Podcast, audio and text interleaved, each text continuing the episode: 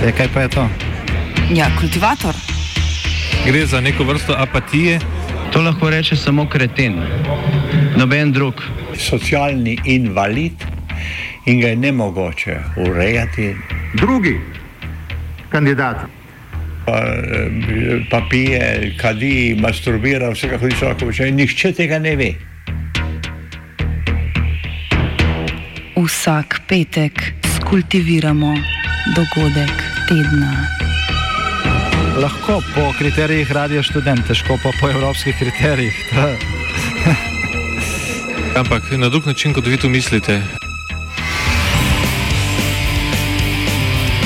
Kultivator vedno užge. da pač nekdo sploh omenja probleme, ki so in da pravzaprav sploh nekdo sproži dogajanje uh, v družbi. To drži, drži. Panoramator 2.0.2.0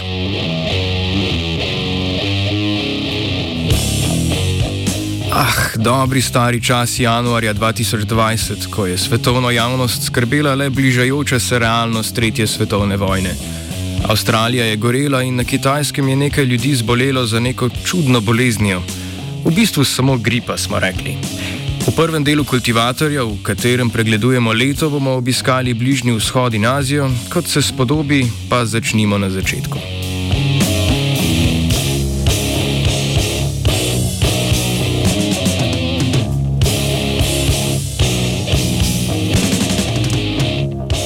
Leto se je začelo z nevarno ameriško imperialistično politiko, ki je dodatno zaostrila razmere na Bližnjem vzhodu. Predsednik Donald Trump je v noči z 2. na 3. januar ukazal napad brezpilotnega letala na Kasema Sulejmanja, vodjo elitnih enot iranske revolucionarne garde Al-Quds. Poleg Sulejmanja, ki je bil ključni mož za vsemi operacijami Irana onkraj njegovih meja, je v napadu blizu bagdadskega letališča umrl tudi namestnik poveljnika ene od ključnih šiitskih milic v Iraku, Abi Mahdi al-Muhandis. Trump je potezo utemeljeval s tem, da je pokojni vodja elitnih enot kriv za smrt milijonov ljudi, tudi za oboj številnih protestnikov v samem Iranu. Iran se je na atentat odzval z napadom balističnih raket na oporišči v Iraku, kjer so bile stacionirane ameriške in NATO-ve sile. Iranski napad ni terjal nobene žrtve, zaradi česar se Trump ni odločil za dodatne vojaške ukrepe, je pa nadaljeval z upeljavo novih ekonomskih sankcij proti Iranu.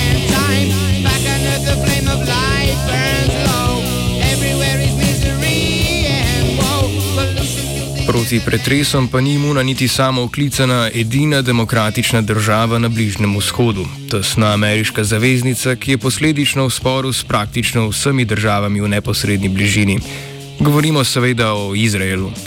No, pretresi, o katerih govorimo, so predvsem notranje politične narave.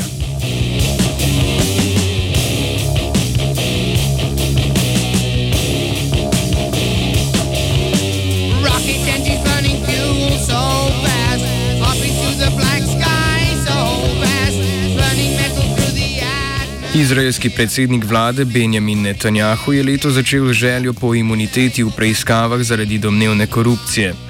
Temu se je sicer kasneje moral odpovedati, saj ni imel dovoljšne podpore v Knesetu. Ta je od odgovor oblikoval poseben odbor za preiskovanje Netanjahujevih zločinov. Če pogledamo večje mednarodne poteze, je ameriški predsednik Donald Trump predstavil nov načrt ZDA, kako bodo vzpostavile mir med Palestino in Izraelom. Palestinski predsednik Mahmud Abbas je po preletu besedila zavrnil kooperacijo, saj je Trump nameraval priznati izraelsko aneksijo Zahodnega brega. Poleg tega pa načrt predvideva rešitev dveh držav, a Palestini odreka vojsko, medtem ko jo Izraelu plačuje. Prav tako večino Jeruzalema nameni Izraelu, medtem ko Palestina dobi budžet verzijo pod imenom Vzhodni Jeruzalem. Marca so potekale predčasne volitve, že tretje v letu dni. Stranki Likud pod vodstvom Netanjahuja in njenim naravnim zaveznicam so zmanjkali trije poslanski stolčki do večine in njegovemu tekmecu Beniju Gancu je s podporo večine manjših strank uspelo postati mandatar.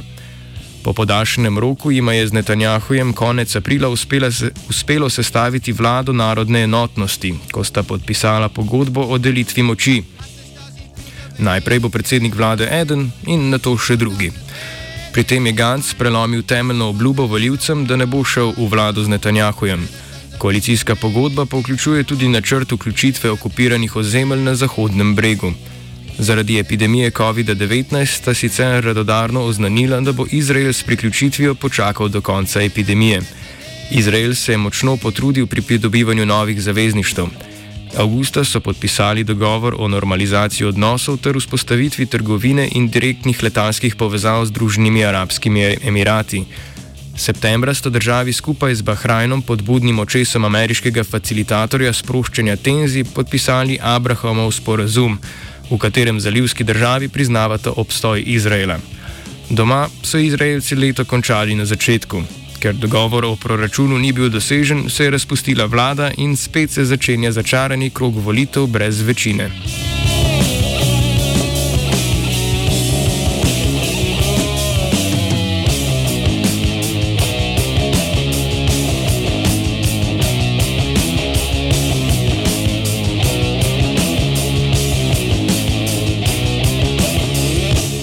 Močnejše tenzije so se zopet pojavile v Zakaukaziju, na območju Gorskega Karabaha.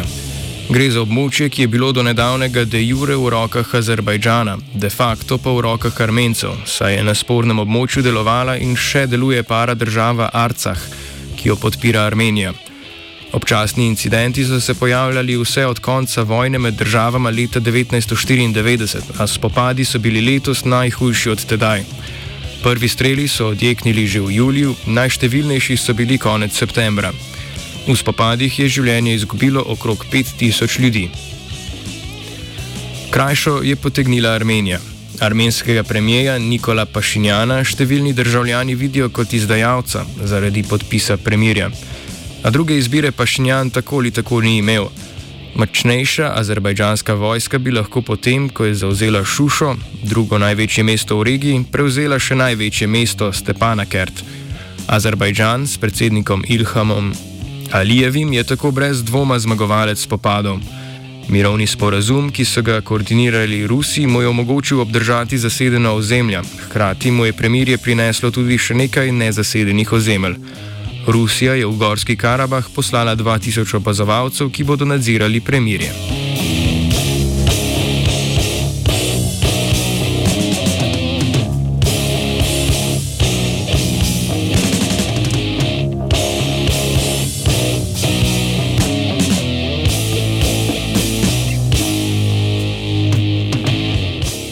Če že omenjamo Ruse, poglejmo še v Moskvo, kjer v Kremlju že 20 let caruje Vladimir Vladimirovič Putin. Začetek leta je postregel z odstopom premijeja Dimitrija Medvedjeva. Putin je na njegovo mesto predlagal dotedaj relativno neznanega vodjo ruske davčne uprave Mihajla Mišustina. Duma je predsednikov predlog sprejela. Poleti so se Rusi odpravili na referendum, na katerem so odločali o ustavnih spremembah. Volilna udeležba je bila 65 odstotna, več kot dve tretjini voljivcev pa sta paket ustavnih sprememb podprli. Med drugim so reforme ustave prinesle delno abolicijo klauzulo o omejitvi maksimalnega števila predsedniških mandatov in prepoved gejovskih porok, konstitucija pa ponovem omenja tudi vero v Boga z veliko začetnico. Poleg tega na referendumu izglasovanje amandma k ustavi predvideva imuniteto pred kazenskim pregonom za ruskega predsednika in njegovo družino. Reforme pa je decembra potrdila tudi Duma. Številni opazovalci menijo, da je na volitvah prišlo do večjega števila kršitev, a Putina to seveda ne gane. Ob koncu ruske avanture omenimo še vidnega opozicijskega politika Alekseja Navalnega. Sredi avgusta so ga namreč v Sibiriji v čudnih okoliščinah zastrupili živčnim strupom Novičok, zdravil pa se je v berlinski bolnišnici Charité. Navalni trdi, da za njegovo skorajšno smrt stoji Putin, svojo mrežo agentov, predsednik pa očitke seveda zavrača.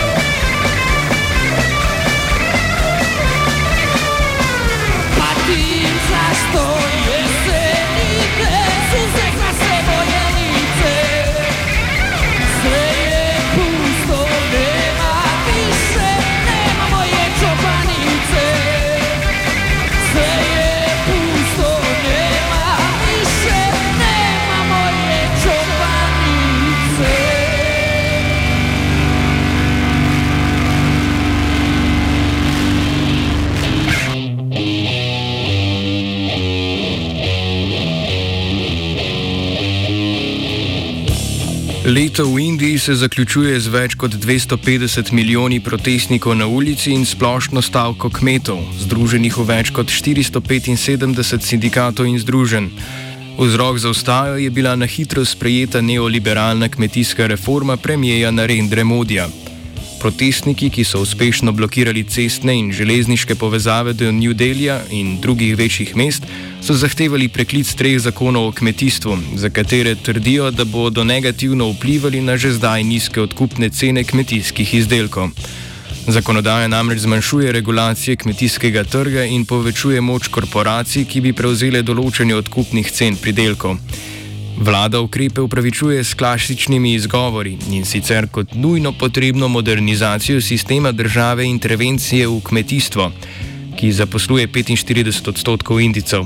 Stavkajoči kmetje zahtevajo dokončen preklic zakonov in v pogajanjih z vlado ne pristanejo na nič manj.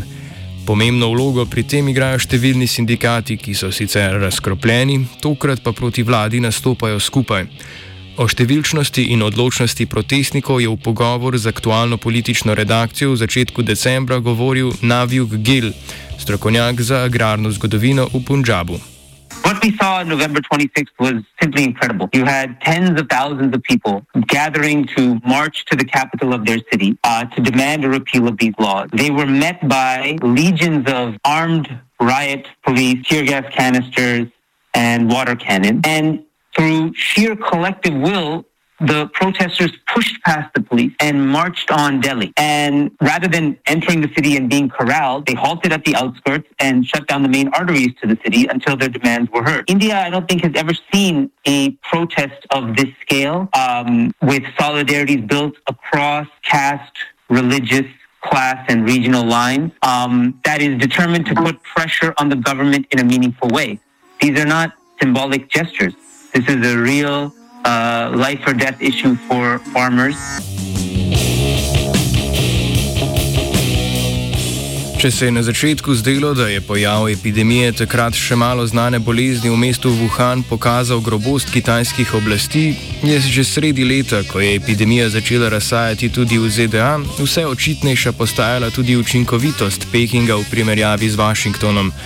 Kitajskemu predsedniku Xi Jinpingu so preglavice še naprej povzročali tudi protesti v Hongkongu. Konec maja pa so na zasedanju Ljudskega nacionalnega kongresa poslanci potrdili dva ključna zakona in sicer o civilnem pravu in o državni varnosti. Zakon kriminalizira poskuse secesije, spodkopavanja pekinške oblasti, terorizma in sodelovanja s tujimi silami. Končni obračun z opozicijo v Hongkongu bi morale biti parlamentarne volitve, na katerih je bil nastop 12 opozicijskim strankam že prepovedan. A volitve so bile zaradi epidemije COVID-19 predstavljene za eno leto, tako da jih pričakujemo septembra 2021.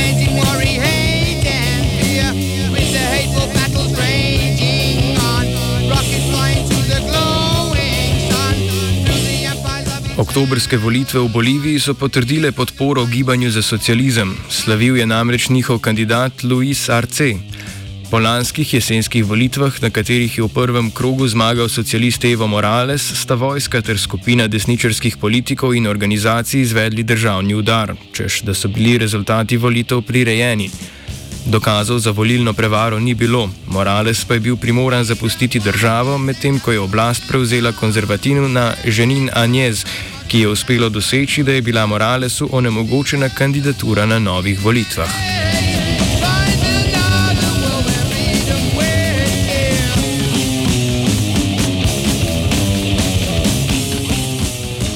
Na območju severne Etiopije so izbruhnili vojaški spopadi med federalno etiopsko oblastjo v Addis Abebi in regionalno oblastjo regije Tigraj s predstolnico Mekele.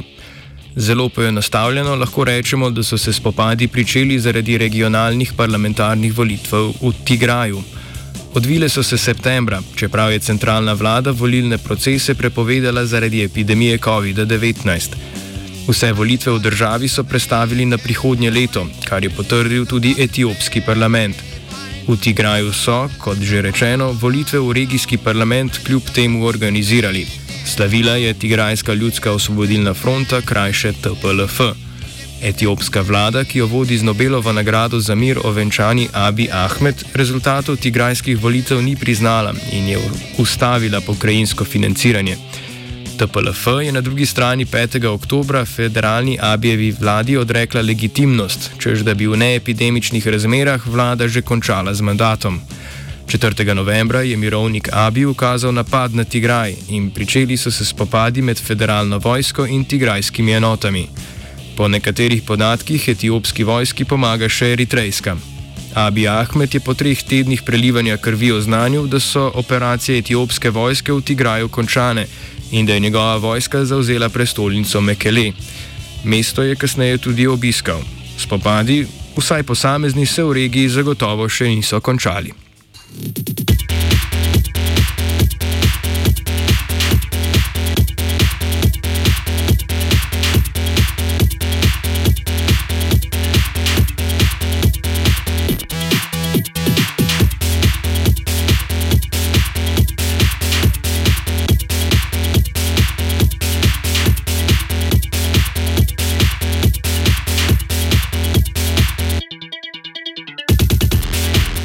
Na ekonomsko krizo zaradi ustavitve gospodarstva se je odzvala Evropska unija z obljubami o finančni pomoči državam članicam, pri čemer izstopa zasuk od politike varčevanja k spodbujanju trošenja.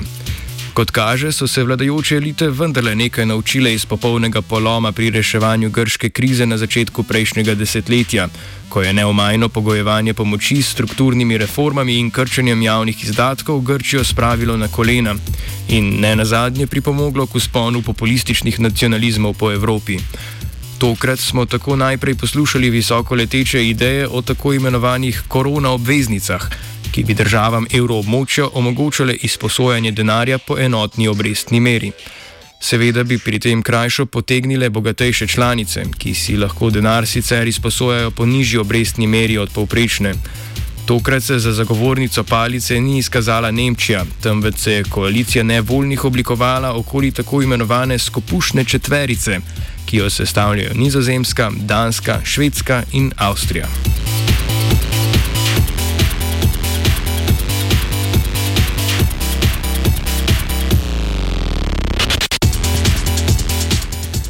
Skupina je dosegla svoje in ideja korona obveznic je končala v smeteh. Vsaj navidezno.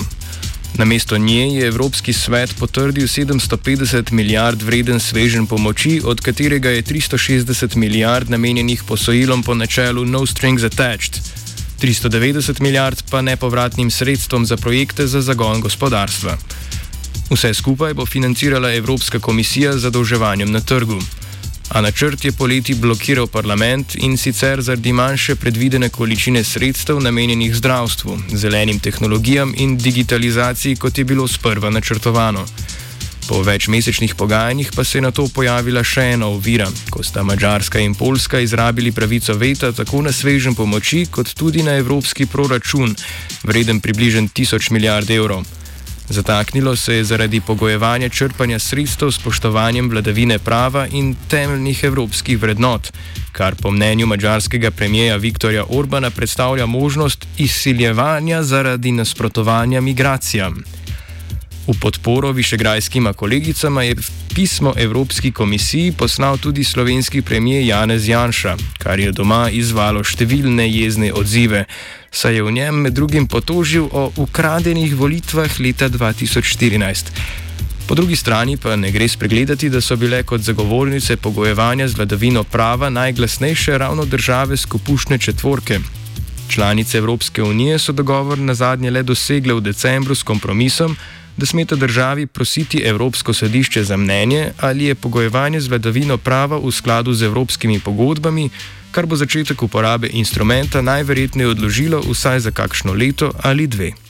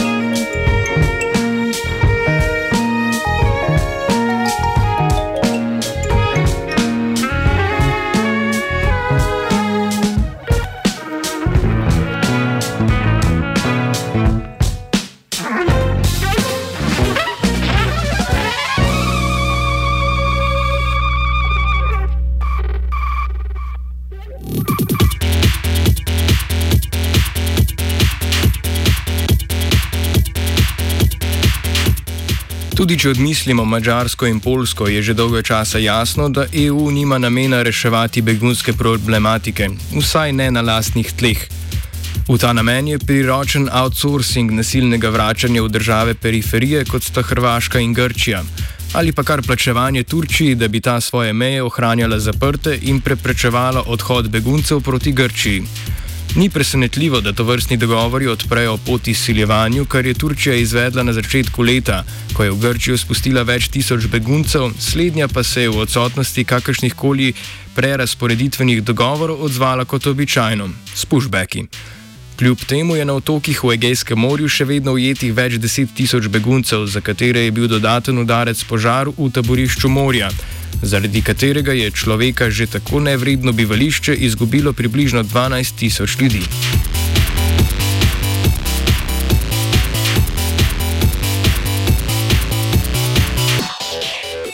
Malo zatem je Evropska komisija predstavila nov migracijski pakt, ki naj bi pomagal pri gradnji zaupanja in povečal solidarnost med državami članicami. Pakt naj bi bil metaforično sestavljen kot zgradba s tremi nadstropji, pri čemer pritličje predstavlja krepitev sodelovanja z državami izvora. Prvo nadstropje je ojačanje nadzora na zunanjih evropskih mejah, v drugem nadstropju pa najdemo idejo o uravnoteženju odgovornosti in solidarnosti med državami, državami članicami pri obravnavi prosilcev za azil. Pri tem solidarnost ni mišljena kot dožnost držav, da sprejmejo prosilce za azil z bolj obremenjenih območij, temveč zgolj kot finančna pomoč pri deportaciji že zavrnjenih prosilcev. Na mesto zaščito in integracijo se tako Unija na begunsko vprašanje še naprej odziva z izgoni in ograjevanjem. To politiko je septembra v Offsideu komentiral Berend Kasparek z Centra za globalne migracijske študije Univerze v Göttingenu. especially Greece and Italy, were pushing strongly for every member state of the European Union should be obliged to take in a part of asylum seekers that arrive in Europe. And this basically, the pact has shut down this argument because it now defines solidarity not as every member state ha- has to engage in refugee protection. Now it basically says solidarity means engaging in some kind of migration management, and the pact says that you can either receive and accommodate and integrate refugees, or you can engage in their deportation.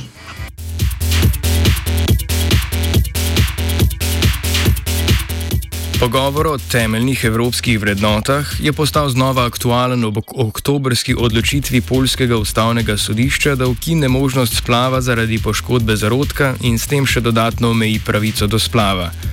Če ženska ni bila posiljena in če nosečnost ne ogroža njenega življenja, je na polskem splav sedaj ustavno onemogočen. Razsodba je sprožila večtedenske proteste, usmerjene predvsem proti rimsko-katoliški cerkvi, katere stališče so pri teh vprašanjih hkrati tudi državna politika.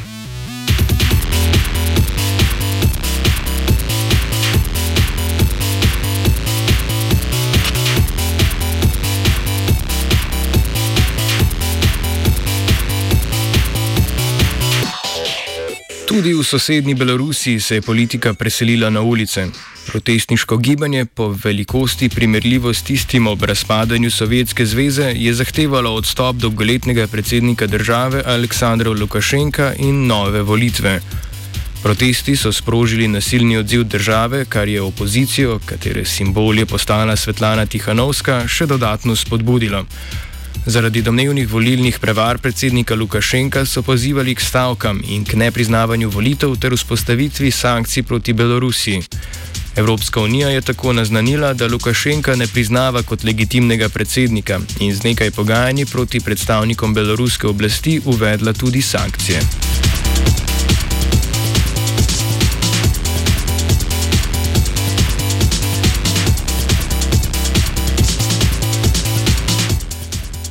Razveze nikoli niso preproste. 31. januarja je Združeno kraljestvo formalno izstopilo iz Evropske unije in pričelo se je 11-mesečno obdobje, v katerem naj bi obe strani dosegli dogovor o prihodnjih odnosih. Ko je za uspešno ločitev izvedela Škotska, je nemudoma vložila zahtevo za ponovitev referenduma o neodvisnosti. Predstavniki Evropske unije in članice v odhajanju so se sestali marca, a so se pogajanja zaradi vedno bolj zasedenih bolnišnic aprila ustavila. Za največji problem sta se izkazala ribolov in seveda nerešljivo vprašanje Severne Irske.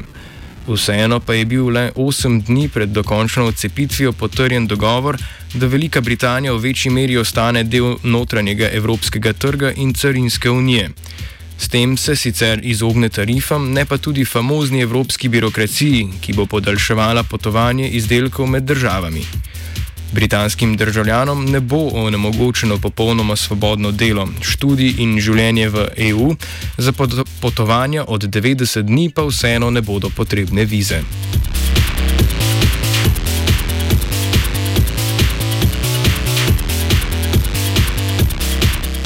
Toliko za danes. To je bil prvi del političnega pregleda leta. Drugi sledi naslednji teden, ko se bomo ozrli v ZDA, po Balkanu in na domače dogajanje.